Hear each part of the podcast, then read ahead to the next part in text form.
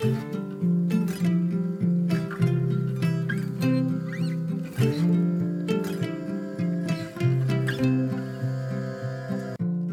och välkommen till For Health med Anna Sparre. Idag ska vi prata med de gröna fingrarnas kung, Johannes Wetterbäck, också känd som Farbror Grön. Han är en av vårt lands mest välkända trädgårds och odlingsprofiler. Idag ska jag pumpa honom på information om hur man enklast kommer igång och odlar sin egen mat, vare sig det är i en trädgård eller lägenhet. Vad odlar man enklast som ger mest skörd? Hur odlar man sin egen stevia? Detta och mycket annat ska vi få svar på idag. Om du gillar avsnittet så blir jag jätteglad om du vill dela med dig av det. Till exempel på Facebook, på Instagram eller till en vän. Glöm inte heller att lämna din recension på podcasten i iTunes. Titta också in på forhealth.se och läs ett blogginlägg. Eller boka mig som föreläsare till ditt företag eller event. På grund av stor efterfrågan från privatpersoner på de två dagars intensivkurser, det som jag kallar för hälsohelg, som jag anordnar för grupper, så ordnar vi nu ytterligare ett tillfälle där du kan anmäla dig utan att själv behöva dra ihop en hel grupp. Jag hade ju ett sådant öppet tillfälle i slutet av november som blev helt fulltecknat. Den här gången så blir det som vanligt hos mig på Österlen och datum är satt till den 7 till 8 april. I kursen ingår ämnen som Ät dig frisk och smal. Vad är du designad för att äta? Vad ska du äta och hur ser din optimala tallrik ut? Fettförbränna istället för att lagra. Fett och kolesterol, är det farligt? Matfusk och tillsatser, ohälsa och sjukdomar, hur undviker du det? Stress, träning, sömn, vilka faktorer påverkar din hälsa och vikt mer än kosten? Träningstips och dessutom ett kort enkelt träningspass för den som önskar. Jag ser fram emot att träffa just dig under den här intensiva och härliga roliga helgen. Anmäl dig till boka at forhealth.se eller läs mer på forhealth.se hälsohelg. Johannes Wetterbäck är mannen som gjort odlandet coolt. Han odlar både i trädgård, inomhus och på taket i stan. Han bloggar, skriver böcker och är helt enkelt grym på att få växter att spira inte minst ätbara sådana. Idag ska vi få tips på hur man kommer igång och odlar sin egen mat, egna grönsaker, kryddor och annat spännande. För vem vill inte ha de mycket mer smakrika och näringsfulla växter som man får av att odla själv? Dessutom slipper man ju besprutning och annat värdelöst när man odlar själv. Att odla själv är definitivt ett steg i att ta kontroll över din egen hälsa. Nästa steg i din hälsoresa.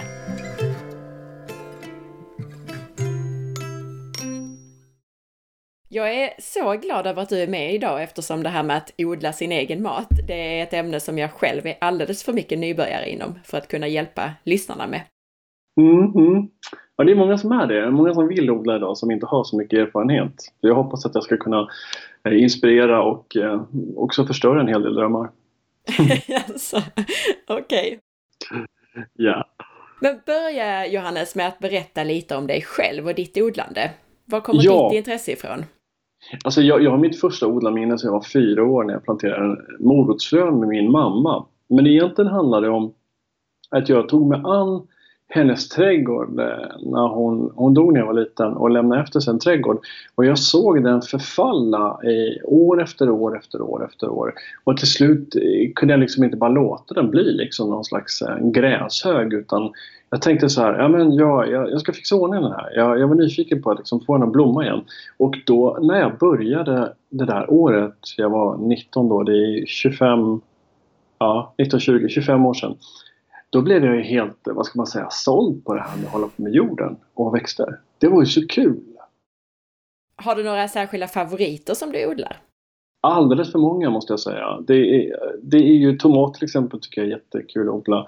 Sen en hel del blommor som olika alpina växter som vivor och klockor och vad kan man säga mer. Um, alla de här perenna, vad ska man säga, de här blommorna som man kan förknippa med en röd stuga ute på landet. De där tycker jag om att ha i min trädgård. Och sen de här grönsakerna som tomat, chili, zucchini, lök, potatis. Men när jag börjar räkna upp grönsaker då blir det lätt att jag kommer upp i i alla fall över 80 olika sorter och det är ju inte meningen nu att eh, de som lyssnar är intresserade ska, ska ta sig an ett, liksom ett berg utav massor med nya grönsaker. Men, men det är där man hamnar när man har odlat i ja, 10, 15, 20 år. Är du självförsörjande med grönsaker? Ja, vissa delar av året. Vi, eh, vi köper inte krossade tomater längre utan vi odlar dem på ett tak centralt i Västerås. Så vi skördar 200 kilo tomater mitt i city som vi använder till vår krossade tomatsås. Och den är liksom ekologisk, närodlad och vi kan välja precis de där sorterna som smakar så gott. Sen är det vitlök som är en relativt enkel gröda att odla som man faktiskt kan bli självförsörjande av redan första året. Eh, så, vi, så tillvida att man lagrar den på rätt sätt och vitlök ska lagras i rumstemperatur. Den ideala temperaturen är 26 grader. Då håller den ett år så man kan liksom skörda klyftor klimatlagringen från de här skålarna. Bra tips redan här! Ja, tack! Jag tänker eftersom vi ska hålla det här super basic för nybörjaren så nämnde du ett begrepp som kanske inte alla har koll på och det är perenner. Vad betyder det? Fleråriga grönsaker, eller fleråriga växter. Det finns en del grönsaker som är fleråriga också, men det är ytterligare en nivå. Så vi ska nog hålla oss till de grönsakerna som eh, de flesta människor kanske köper i matvaruaffären och skulle kunna tänka sig odla själv. Men flerårigt betyder att det är en växt som eh, kommer tillbaks år efter år. Den dör liksom inte när vintern kommer utan den kryper ihop och gömmer sig i jorden och så kommer den upp sen när det våras är det så att det normalt sett är lättare att, att odla ettåriga växter? Det kan man väl säga. På ett sätt är det ju eh, lättare att göra det. Men eh, ja, det är lite olika hur man kan tänka kring det där. Men, men när det gäller grönsaker så är det absolut så. Och som du själv nu var inne på så är det viktigaste i det här avsnittet att vi hjälper lyssnarna att komma igång med någonting enkelt som också ger mycket skörd, tänker jag. Mm. Så om Verkligen. vi håller oss till eh, grönsaker till att börja med. Har du, du nämnde vitlök. Har du, har du tips på ett par växter som är enkla att odla och ger mycket skörd? Det är den vanligaste frågan jag får och jag har fortfarande inte kunnat hitta ett bra standardsvar. För det är, alltså alla grönsaker kan ju drabbas av dels problem eh, och så kan du själv ha ett problem när du odlar. Så, så man kan ju misslyckas med, med det mesta och man kan lyckas med det mesta om man har flyt. Jag funkar ju till exempel inte ihop med pelargoner och det är lite pinsamt eftersom jag odlar så många år. men, men om vi ska eh, ringa in det här, eh, de lättaste så är det väl kanske det som folk tänker på i, i potatis. Att det är ganska lätt och det är det ju faktiskt. Mm. Eh, så tillvida att man inte odlar där man haft en gräsmatta innan för då kan det finnas små larver som äter upp potatisarna första året. Eh, tomater kan vara lätt eh, så tillvida att man inte glömmer att gödsla jorden när de växer och om man odlar dem inomhus, inte glömmer att pollinera dem med en tops eller pensel. Då är det lättodlade tomater. Mm. Zucchini är lätt att odla. Ifall man inte sår dem i februari och tror att de ska stå inomhus i två månader utan att man sår dem ganska sent i maj och planterar ut dem skonsamt med lite fiberduk över. Då är det lätt att odla zucchini. Och zucchini är en av mina egna favoriter som jag själv bara sår direkt ner. Jag bara köper frön och sår direkt på friland. Du gör det? Ja, absolut. Vad härligt! Men du, du har lyckats flera gånger med att stoppa ner fröet sådär i marken och att det kommer upp en planta? Absolut, men vissa plantor, jag vet inte om, om det är de som har skuggats lite eller så, det, det blir inte så jättemycket på dem, medan andra blir jättestora och fina och får många frukter. Mm. Om vi tar det steg för steg, hur hade du rekommenderat att man gör när man sår zucchini? Jag gillar ju att förodla växter. Eh, både inomhus eh, med, med belysning i fönster, eh, i växthus, kallväxthus, i odlingskällor med belysning. Alltså jag tycker om att dra upp växterna i, i en kruka eller i ett odlingsstråg innan jag ska plantera ut dem. Just för att jag, jag, tycker om att inte städa på hösten så att jag, jag väntar med det här med gödsling och eventuellt om jag skulle gräva någonstans så gör jag det på våren. Och då när jag gör det, då vill jag ha färdiga plantor att sätta ut för att det går lite snabbare. Eh, om plantorna är stora så kan de klara angrepp från mördarsniglar lite bättre och sådär. Men, men så jag gillar att förodla sakerna för att många växter som vi vill odla och, kommer ju faktiskt från länder där det är mycket, mycket varmare den årstiden där vi egentligen vill sätta ut dem. Hur gör man då? Om vi utgår från att man inte har ett växthus, utan vi har ett hus och vi, sen så vill vi få ut plantan i jorden senare på säsongen. Hur gör man då med zucchini? Ska man så det i en kruka? Berätta steg för steg hur det går till. Ja, eh, man eh, köper alltså planteringsjord. Jag brukar tänka så här, stora frön planteringsjord, små frön såjord. Så zucchini är ganska stora frön. Så då tar man och köper planteringsjord och så använder man sådana här um, 7 cm krukor tror jag ja, man kan ju säga så här 7, 8, 9, 10 cm stora. Fyller man dem med jord utan att pressa på hårt och så lägger man ett frö i varje kruka. Sen ställer man det där i, i fönstret eller under någon slags växtbelysning som man har. Det finns ju många eh, belysningar på marknaden idag som man kan använda sig utav. Och sen när de tittar upp eh, får man vattna. Man får se till att det hålls fuktigt hela tiden. Och när de börjar bli ganska stora så är det dags att eh, tänka på att de ska ju ut. Och det ska de egentligen inte här i Mellansverige, eller Mälardalen, då, odlingszon 2. Och om man tänker på din dialekt så är du i odlingszon 1. Så där ska ju grejerna inte ut eh, före, vad ska man säga, 5 juni. Utan man ska så ganska, eh, vad ska man säga, mitten av maj. Och när man tar växter inifrån och ut så behöver de avhärdas. De behöver alltså lära sig leva med solen. Så det du gjorde när du stoppade ner ett frö det är ett ganska smart sätt ifall man vill hoppa över det här steget med att växterna ska avhärdas. Då är de ju vana vid det solljuset. Men annars om de kommer inifrån så behöver man kanske ställa ut någon timme om dagen när det är fint väder första veckan och vänja dem med solen så de hinner bygga upp sitt solskyddsmedel. Och sen successivt liksom fler timmar och sen efter vad kan man säga, en och en halv till två veckor då kan man plantera ut dem och gärna med lite fiberduk, den här vita väven som finns och göra en liten kupol för dem första veckan eller andra, första två veckorna. Jättebra tips! Och det kan ju, just det här, det kanske låter komplicerat att man ska ha en kruka för varje frö, men en zucchiniplanta kan ju ge ganska mycket skörd, bara en planta. Verkligen, och det är svårt att odla dem i kruka.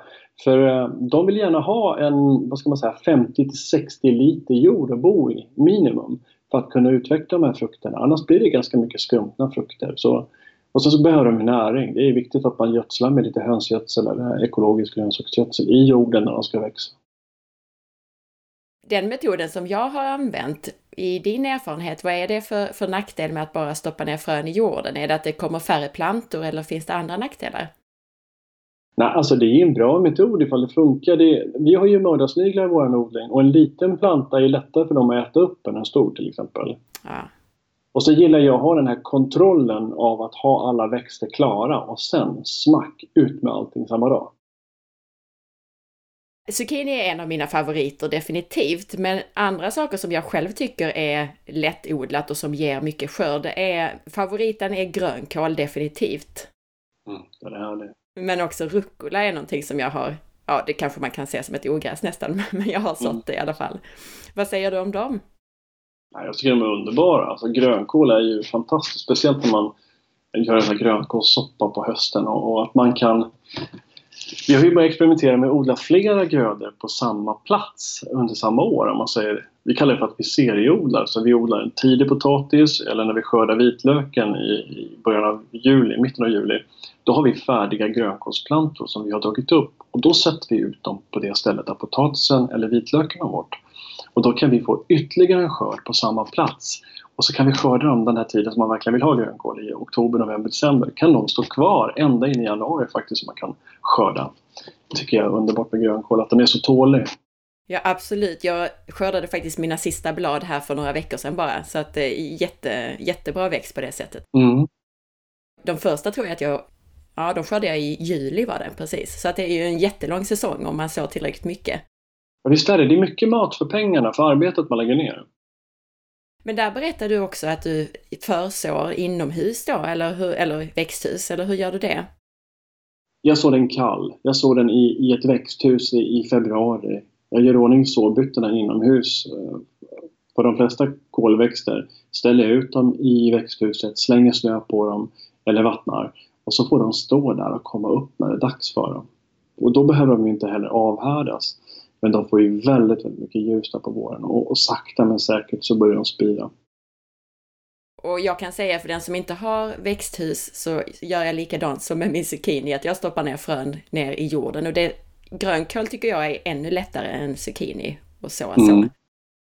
Så att har man inte tillgång till växthus så, i alla fall för mig, så har det fungerat hittills. Man kan göra det på en balkong, inglasad balkong, man kan göra ett pallkrageväxthus. Men visst är det så. Det låter ju som att jag jag, jag krånglar till det mer och du är mer basic, eller hur? Fast du lyckas säkert bättre. Jag får oftast komplettera med, med mat från affären eller från gården här nära. Jag vet inte om det har min, min längd, liksom, att jag är över 1,90 lång så att jag tycker det är lite jobbigt att kräla omkring med de där små fröna på våren. så jag tycker det är smidigare liksom, att jobba i arbetshöjd och sen eh, kräla en gång för alla och inte där. Det blir så kletigt och jobbigt tycker jag på våren för mig. Jag har så många ställen jag odlar på. Men det var ju ett jättebra tips det här med att, att man sår i omgångar efter säsong så att man kan så på samma plats. Mm. För jag har ju själv, eh, de flesta tror jag har ju inte så mycket plats så att om man nu vill vara självförsörjande eller nästintill så behöver man ju vara smart. Precis, och då kan man ju välja, det finns en del sådana frö, frösidor på nätet där man faktiskt kan se hur lång utvecklingstid det är på grödorna från, från sådd till skörd och då kan man ju välja eh, olika grödor som är väldigt snabba för att verkligen maximera det där. Vitlöken som du nämnde, hur gör man, när sår man den och hur gör man? I odlingszon 2 och 1 alltså, från eh, Stockholmstrakten ner mot eh, Småland och Skåne. Det är några högplatåer där i Småland som är lite högre i odlingszoner. Men jag skulle säga november-december planterar man vitlök. För att kunna skörda dem som klyftor i juli. Alltså som stora lökar med flera klyftor i. Vill man däremot odla vitlök nu på vårkanten, man har glömt det där, så kan man ju odla stoppa ner så här utsädesklyftor. Att man använder utsäde det är för att man ska slippa få in sådana här virussjukdomar som det kan finnas på vitlöken som man köper i affären. Eh, köper man ett utsäde så är det certifierat och garanterat fritt från sjukdomar. Det är därför man använder det. Odlar man en kruka inomhus i köksfönstret till exempel för att använda de här gröna spöten spelar det ingen roll. Då kan man ju ta någon vitlök som man har köpt i affären.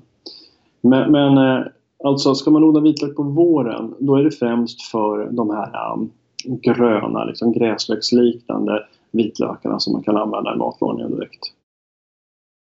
Men i praktiken då, alltså nu ska vi tänka på att vi ska göra det så basic som möjligt. Är det bara så att jag kan egentligen köpa en vitlök och stoppa ner klyftor från den och så blir det en hel vitlök sen, varje klyfta?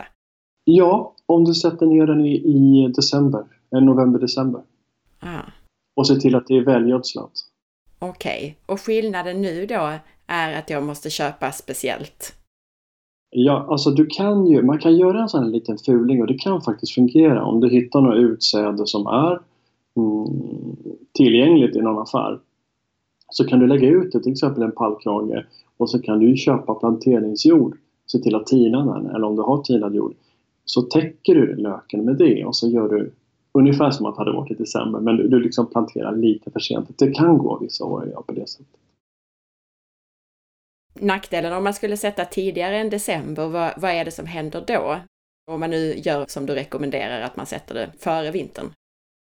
Alltså det funkar ju att sätta innan december, men då brukar de här gröna skotten titta upp och bli lite så här frusna eh, på vintern. Och vi har ju haft ganska svajiga vintrar och är det en vinter där snön ligger hela vintern, vilket är väldigt sällsynt här i, i Mälardalen, då kanske det inte spelar någon roll. Men, men eh, är det så här uh, upp och ner då, då blir de lite fula. Så det är väl kanske mer estetiskt skulle jag säga. Vad bra, då ska jag testa vitlök i år nu då också. Men då får jag göra en sån här sen version när jag sätter igång nu då. Mm, lycka till! Tack! Vi nämnde ju, vi pratade ju om grönkål och eh, många av lyssnarna älskar alla sorters kål för att det är så hälsosamt. Mm. Men som nybörjare och kålodlare så inser man ju snabbt att kållarver och kålfjärilar är ens värsta fiender. Ja, verkligen. Första året så var jag alldeles för långsam och insåg först när en stor del av skörden var uppäten att det var inte alls mördarsniglarna utan det var de här larverna som ställde till det. Ja. Och sen eh, senaste åren så har jag varit snabbare, men det är ett ganska tidskrävande jobb att gå och plocka larver och ägg. Så har du några tips här? Jo, men det har jag. Alltså, först måste jag säga att det är så himla kul det här när man ser någon som lyckas odla kål första säsongen. Som, som skriver på Instagram eller Facebook det här var väl inte så svårt. man tänker vänta till nästa år, det kommer, det kommer hända grejer. Det är roligt det här med, med, med kål överhuvudtaget, att, att nybörjarodlare ibland har, har lite så här flyt så, och förstår inte det här med kollarver eller kolfjärilar. Eh, det brukar ju lösa sig nästa år, för då har ju kollarverna lokaliserat platsen. Liksom. Och det, är, det är jättejobbigt. Och faktiskt det du säger det här att du upptäckte det för sent. Och det är väl det som odlandet kan göra med oss, att vi, att vi blir mer medvetna. Inte bara på vad det är vi stoppar i oss och hur vi behandlar det, utan också följa liksom de här växterna från frö till, till bordet. Och för att kunna ha dem i fred, det är inte bara kolarver eller mördarsniglar. Det finns ju tvåbenta marodörer också, människor eller ja, ankor och sånt där som kan äta upp det där. Men främst människor tänker jag på då. Eh, att det handlar ju om att försöka ligga steget före, läsa av grödorna. Och mitt tips det är ju att kolmården som kommer ganska tidigt på året, i maj-juni, de behöver ju lägga sina ägg i bladen först och sen kommer larverna ut. Så det gäller att ha is i magen när man ser att det rör sig väldigt mycket flygfän runt ens kolplantor. Att då kastar man sig liksom på nätet och beställer eh, ett sånt här larvskydd heter det, eller Turex som är en slags bakterie, en biologiskt preparat. Som man sprutar sina kolplantor med när larven har kommit ut. För det är larverna som måste få i sig det i sina magar för att dö. Så kolmålen är inte så lätt så här att leta ägg utan det är först när kolfjärilen kommer. Och de värsta angreppen av kolfjärilen brukar jag få i mina odlingar i augusti-september när man tror att faran är över. Då kommer de. Jag har också upptäckt det att det kommer, det känns som att det kommer i två omgångar va? Ja. Mitt i sommaren och sen lite på slutet. Jag läste någon eh, som hade använt en finmaskig spetsgardin från IKEA som hon la som en duk över sin grönkålsodling.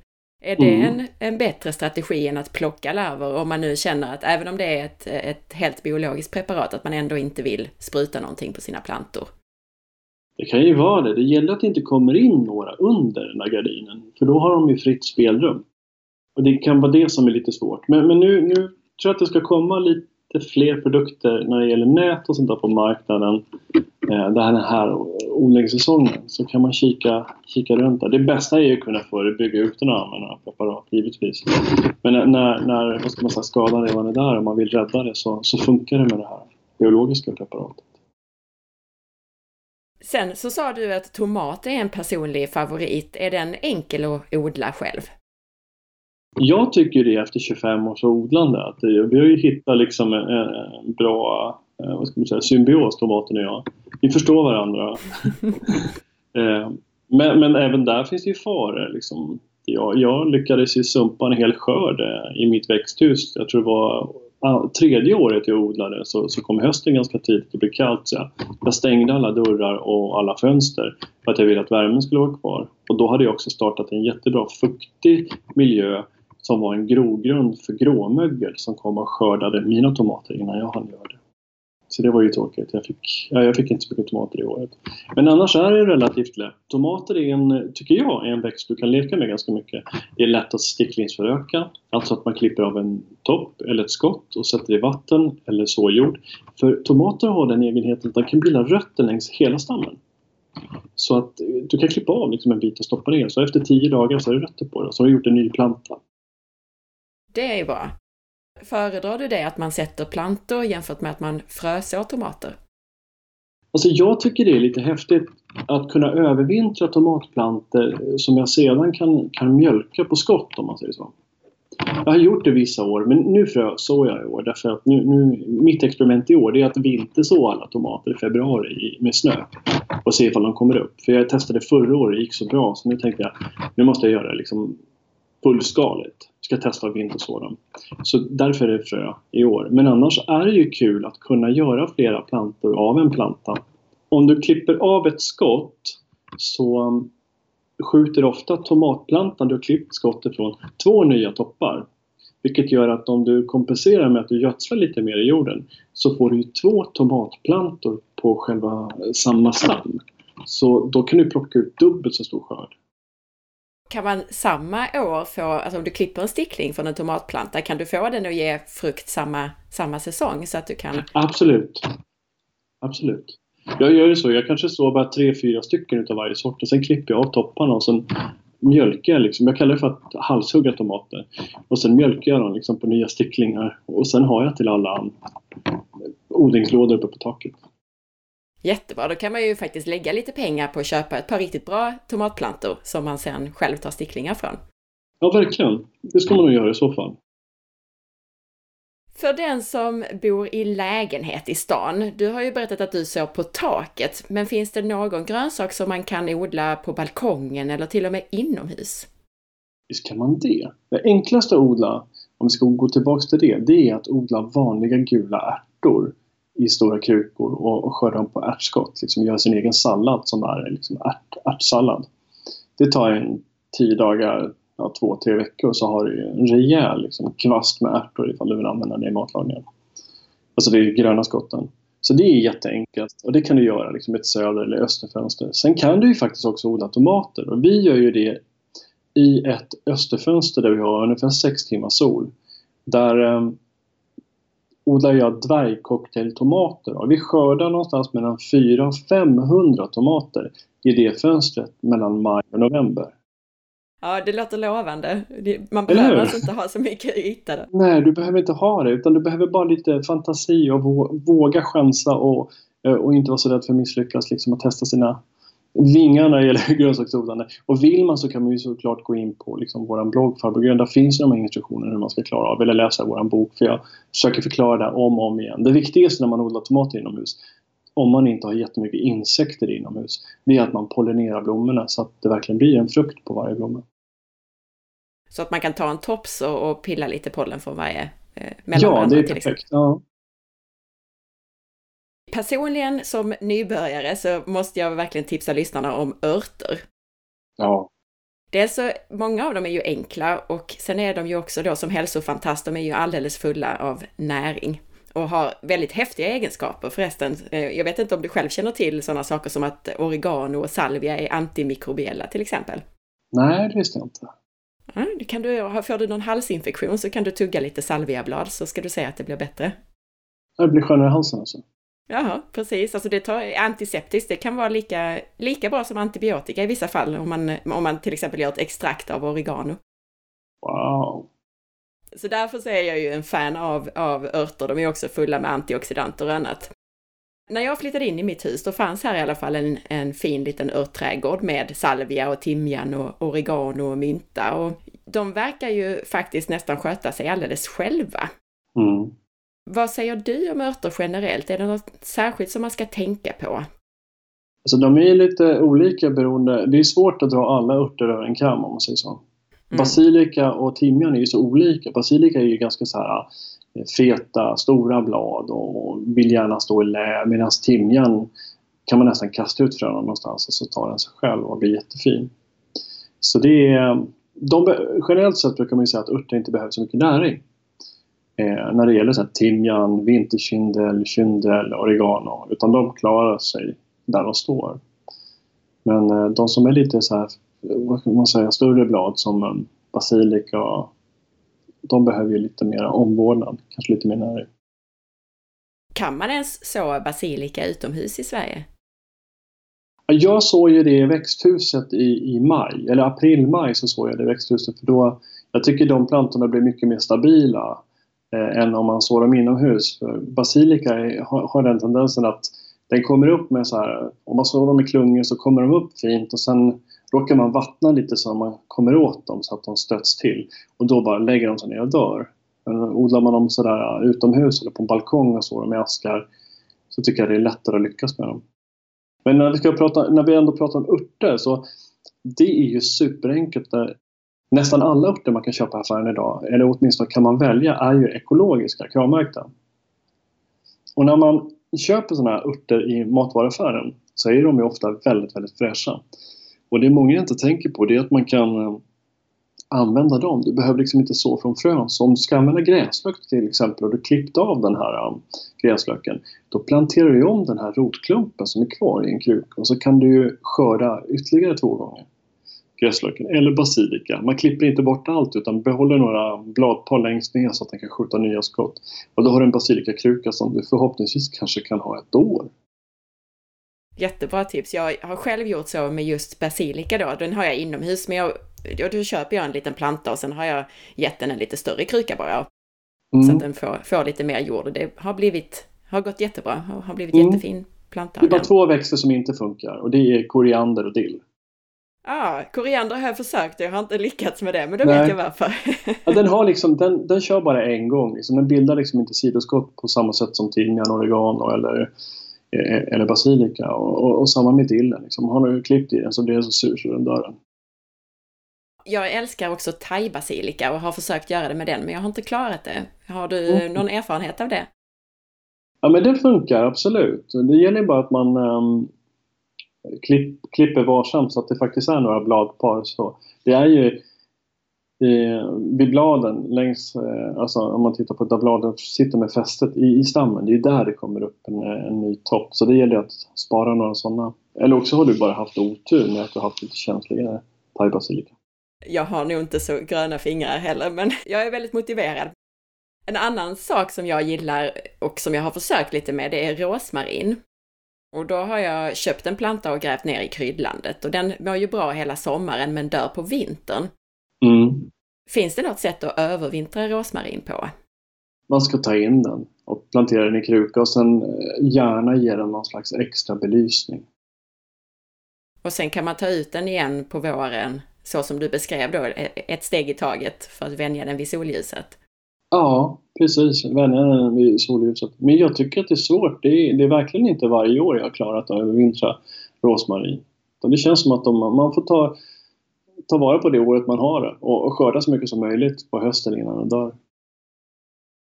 Du beskrev ju det här att man måste vänja plantorna vid utomhusklimatet, men hur är Mm. det när man ska flytta in dem? För det har jag också försökt och inte riktigt lyckats med. Mm. Behöver man vänja eh, rosmarinen då till exempel, innan den kommer in? Nej, i så fall skulle det väl vara det här med ljuset, att, att ge den lite extra ljus med någon växtbelysning så att den, den inte känner att den försvann rakt in i mörkret. Mm, det är det här med ljus alltså. Det är ljus. Ja, ljuset är mycket viktigare än vad man tror. Precis. Jag har själv, själv insett det att jag tar nu död på en del plantor för att de får för lite ljus snarare än för mycket eller för lite vatten, vilket jag alltid har trott innan. Mm, man tror ju gärna det, att det är vattnet det hänger på mest. Men är det några andra saker? Det här med att jag, jag tycker att det är svårare att odla i kruka inomhus än att så på friland. Är det, finns det andra parametrar som man ska tänka på än just ljus och så vatten och så såklart? Alltså man har ju jorden. Det är viktigt att man använder bra jord. Att man inte alltså, slarvar och använder någon skitjord som har stått på balkongen i fem år. Utan man köper liksom en ny säck planteringsjord eller blomjord eller ja, vad det heter, grönsaksjord. Ja, om man använder det, eller såjord. Att det, att det är fräsch jord. Och sen att eh, man behöver sol till växterna. Och de behöver vatten. Och de behöver någon slags temperatur där de ska vara. Och växterna behöver ju också näring. Och det är någonting som är lätt att glömma bort i början när man odlar. Eh, om, man är, eh, om man är skapligt hänsynsfull så är man ju ofta rädd för att övergödsla. Jag vet inte om du känner igen det men man vill inte gödsla Mm. för mycket. Nej, man, vill inte, man har hört att man kan bränna sönder rötter och sådär. Ja. Problemet är att man gödslar för lite många gånger när man är ny. Så att man ger dem för lite eller kanske ingenting alls. Och för att man inte vet att den här planteringsjorden man använder den har gödsel bara för tre, fyra veckor. Då ska jag nog få ännu mer fart i, i år på mina grönsaksodlingar. Mm.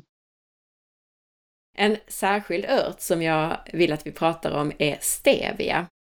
Mm. Den är alla hälsofantasters våta dröm. Den ger sött, sötma utan att vara onyttig. Så hur gör man egentligen för att odla sin egen stevia?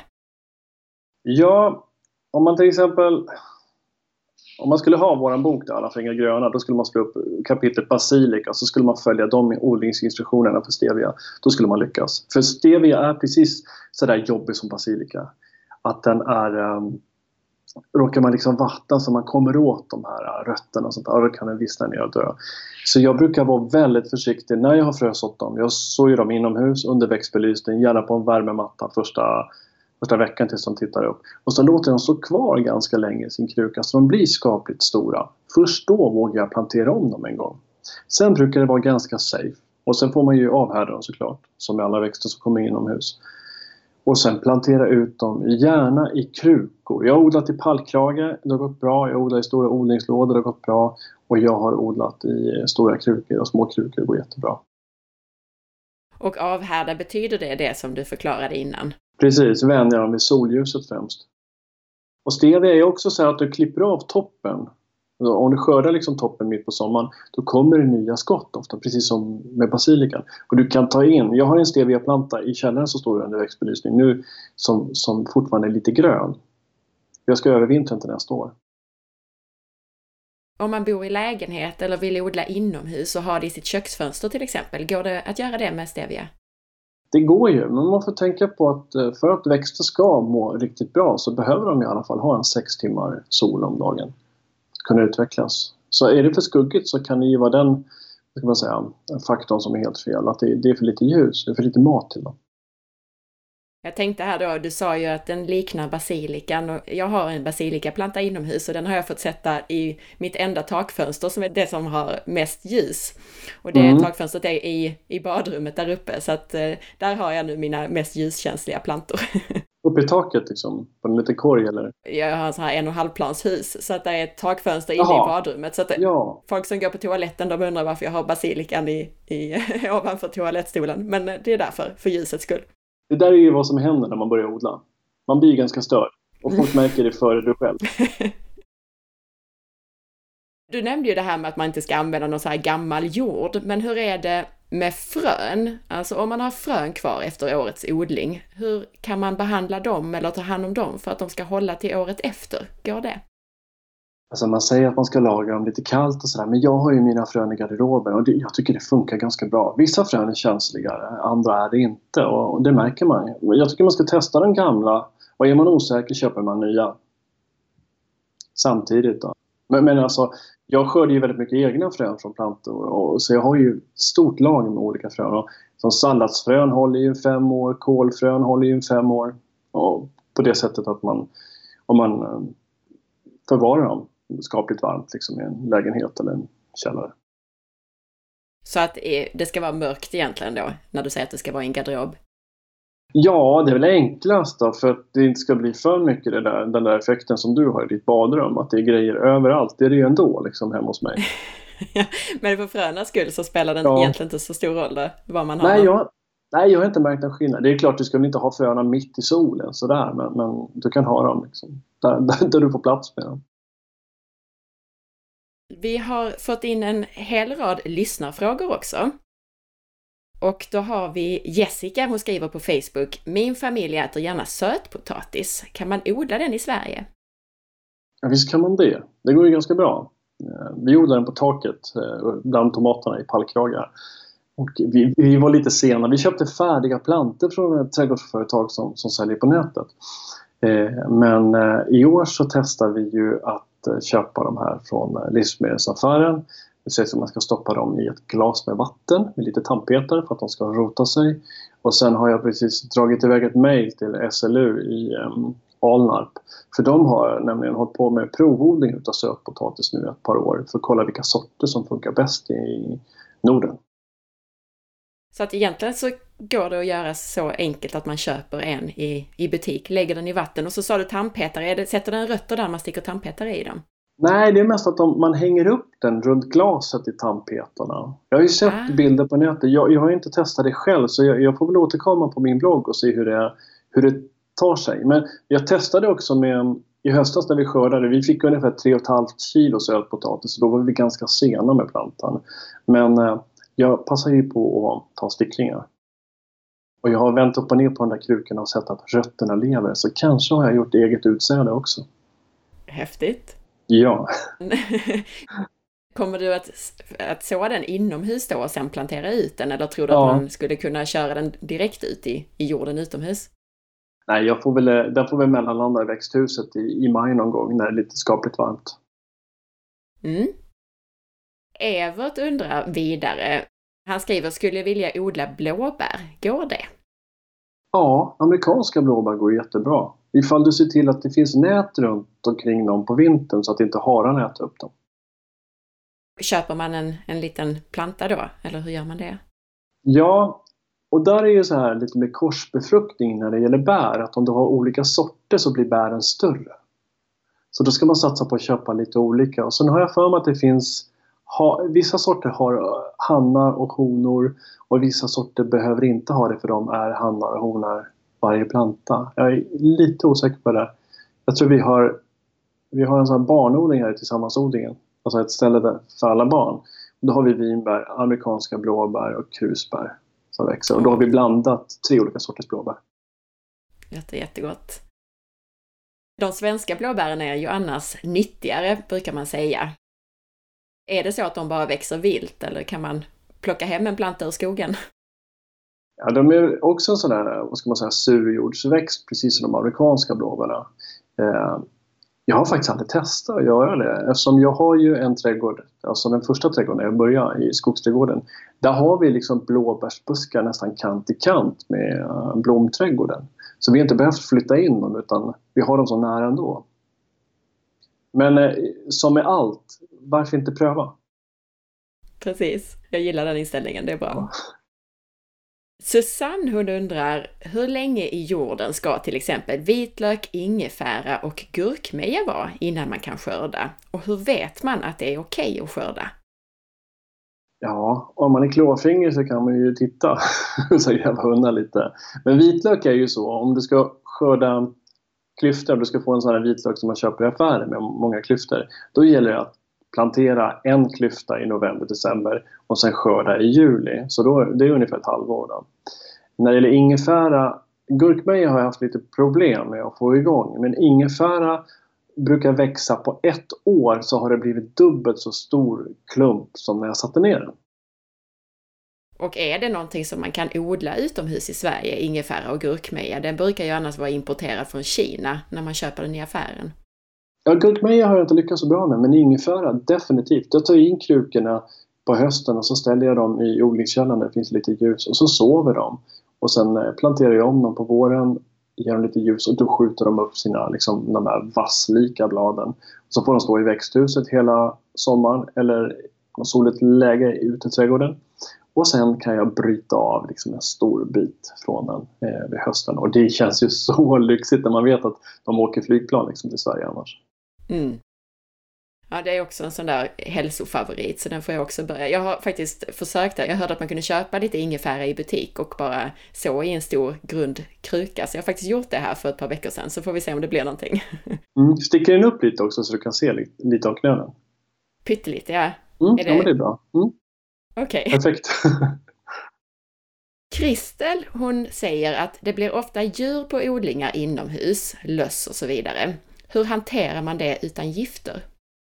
Ja, man kan beställa rovdjurssteklar. Och det är alltså insekter som äter löss. Det är som små miniflugor som eh, alla som har sett filmen Alien, det är ungefär på samma sätt. Att de här flugorna eh, angriper en lus, sprutar in ett ägg i kroppen på dem och sen kläcks det där ägget och så äts lusen upp inifrån utav en larv som senare blir en fluga som letar efter en ny lus som den kan lägga ägg i. Wow, ja det lät verkligen som science fiction. det är ju det. Annars kan man ha så här klisterremsor. Och eh, se till att vara försiktig när man köper växter för det är ofta då man får in eh, löss. Eller om man tar in saker på hösten, då kommer det löss med. Och inomhus finns det inga naturliga fiender. Ehm, jag upptäckte som av en slump det finns ju många olika djur som äter löss, till exempel nyckelpigor eller sådana här små glansiga flugor. Jag kommer inte ihåg riktigt vad de heter. Guldögonsländor heter de. Mm, sådana äter. Alltså getingar, jag såg ju det på takfarmen att vi hade, vi hade getingar som patrullerade våra chiliplantor och käkade löss. Hmm.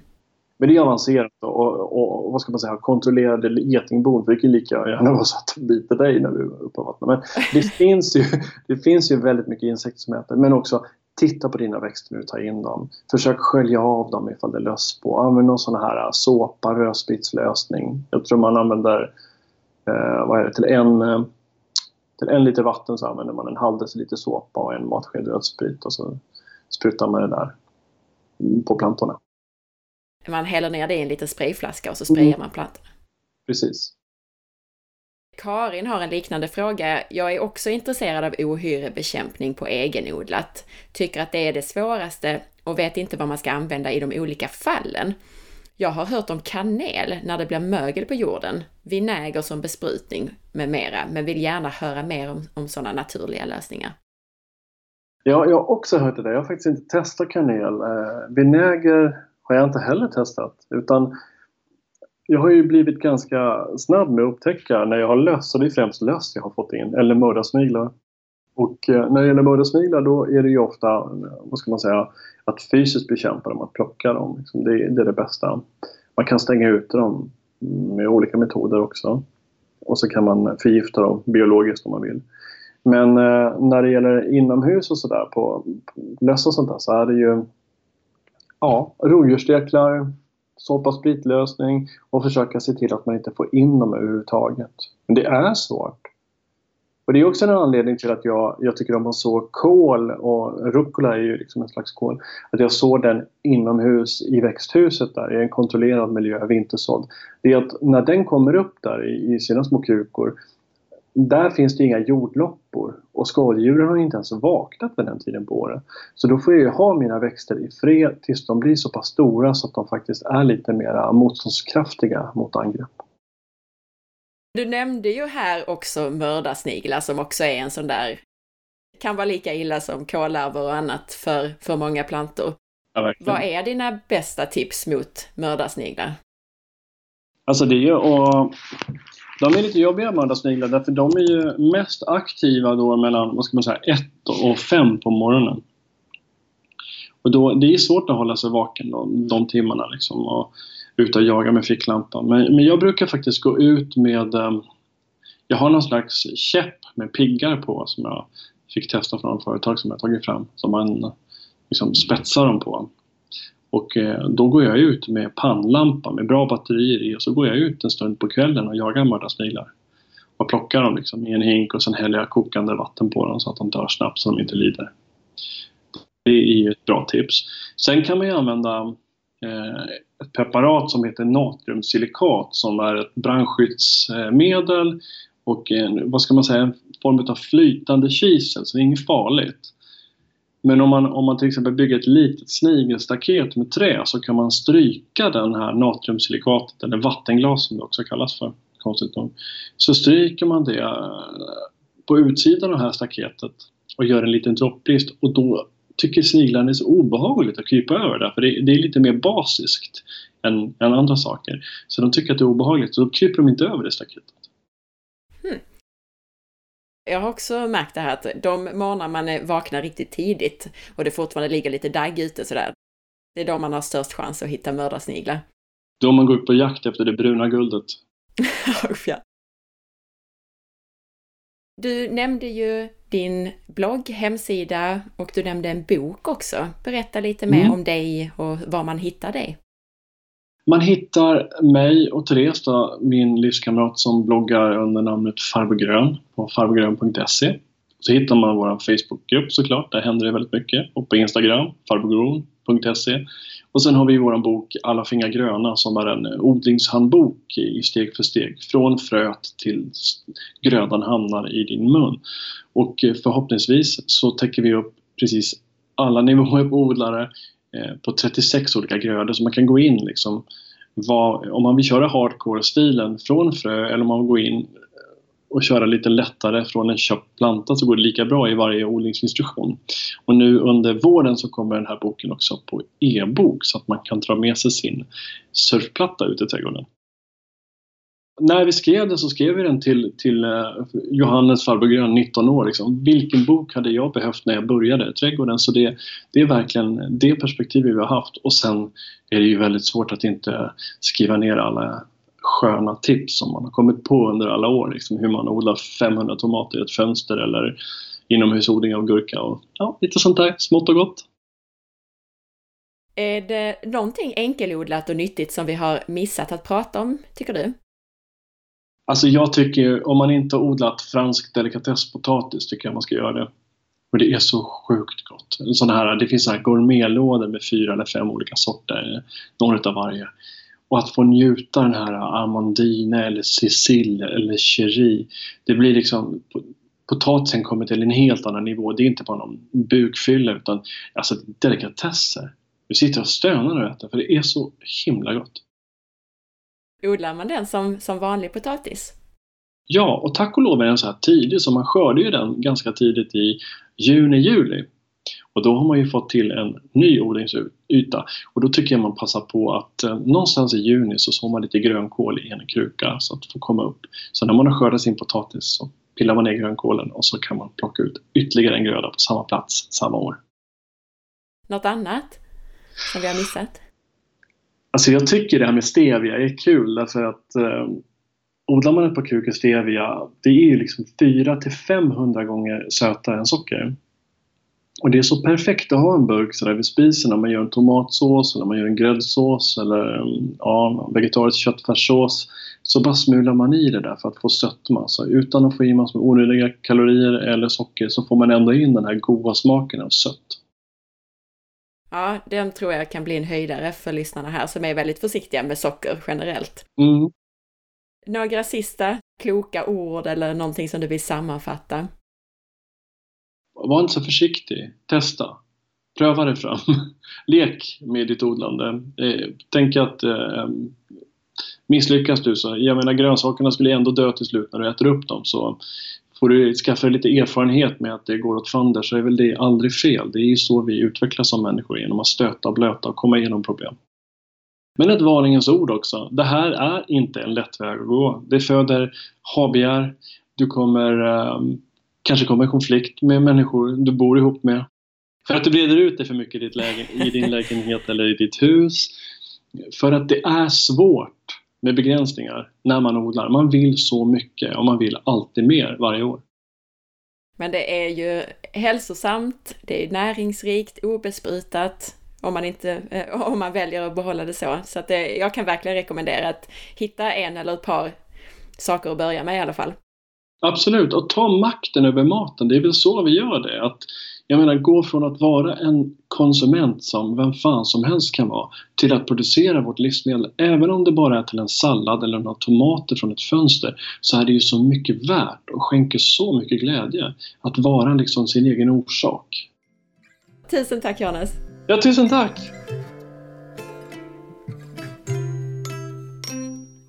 Tack för att du lyssnade! Jag hoppas att du gillade den här intervjun. Gjorde du det, så dela med dig av avsnittet. Dela på Facebook, tipsa en vän och sprid så att fler får ta del av avsnittet. Jag blir också jätteglad om du vill lämna din recension i iTunes eftersom det hjälper andra lyssnare att hitta hit. Följ med på facebook.com forhealth.se där du kan hitta avsnittsinformationen till det här avsnittet som du kan dela och där du varje dag hittar länkar till nya hälsotips och annat kul. Följ också mig på Instagram via signaturen asparre och titta in på bloggen på forhealth.se. Ha en fantastisk dag så hörs vi snart igen. Hejdå!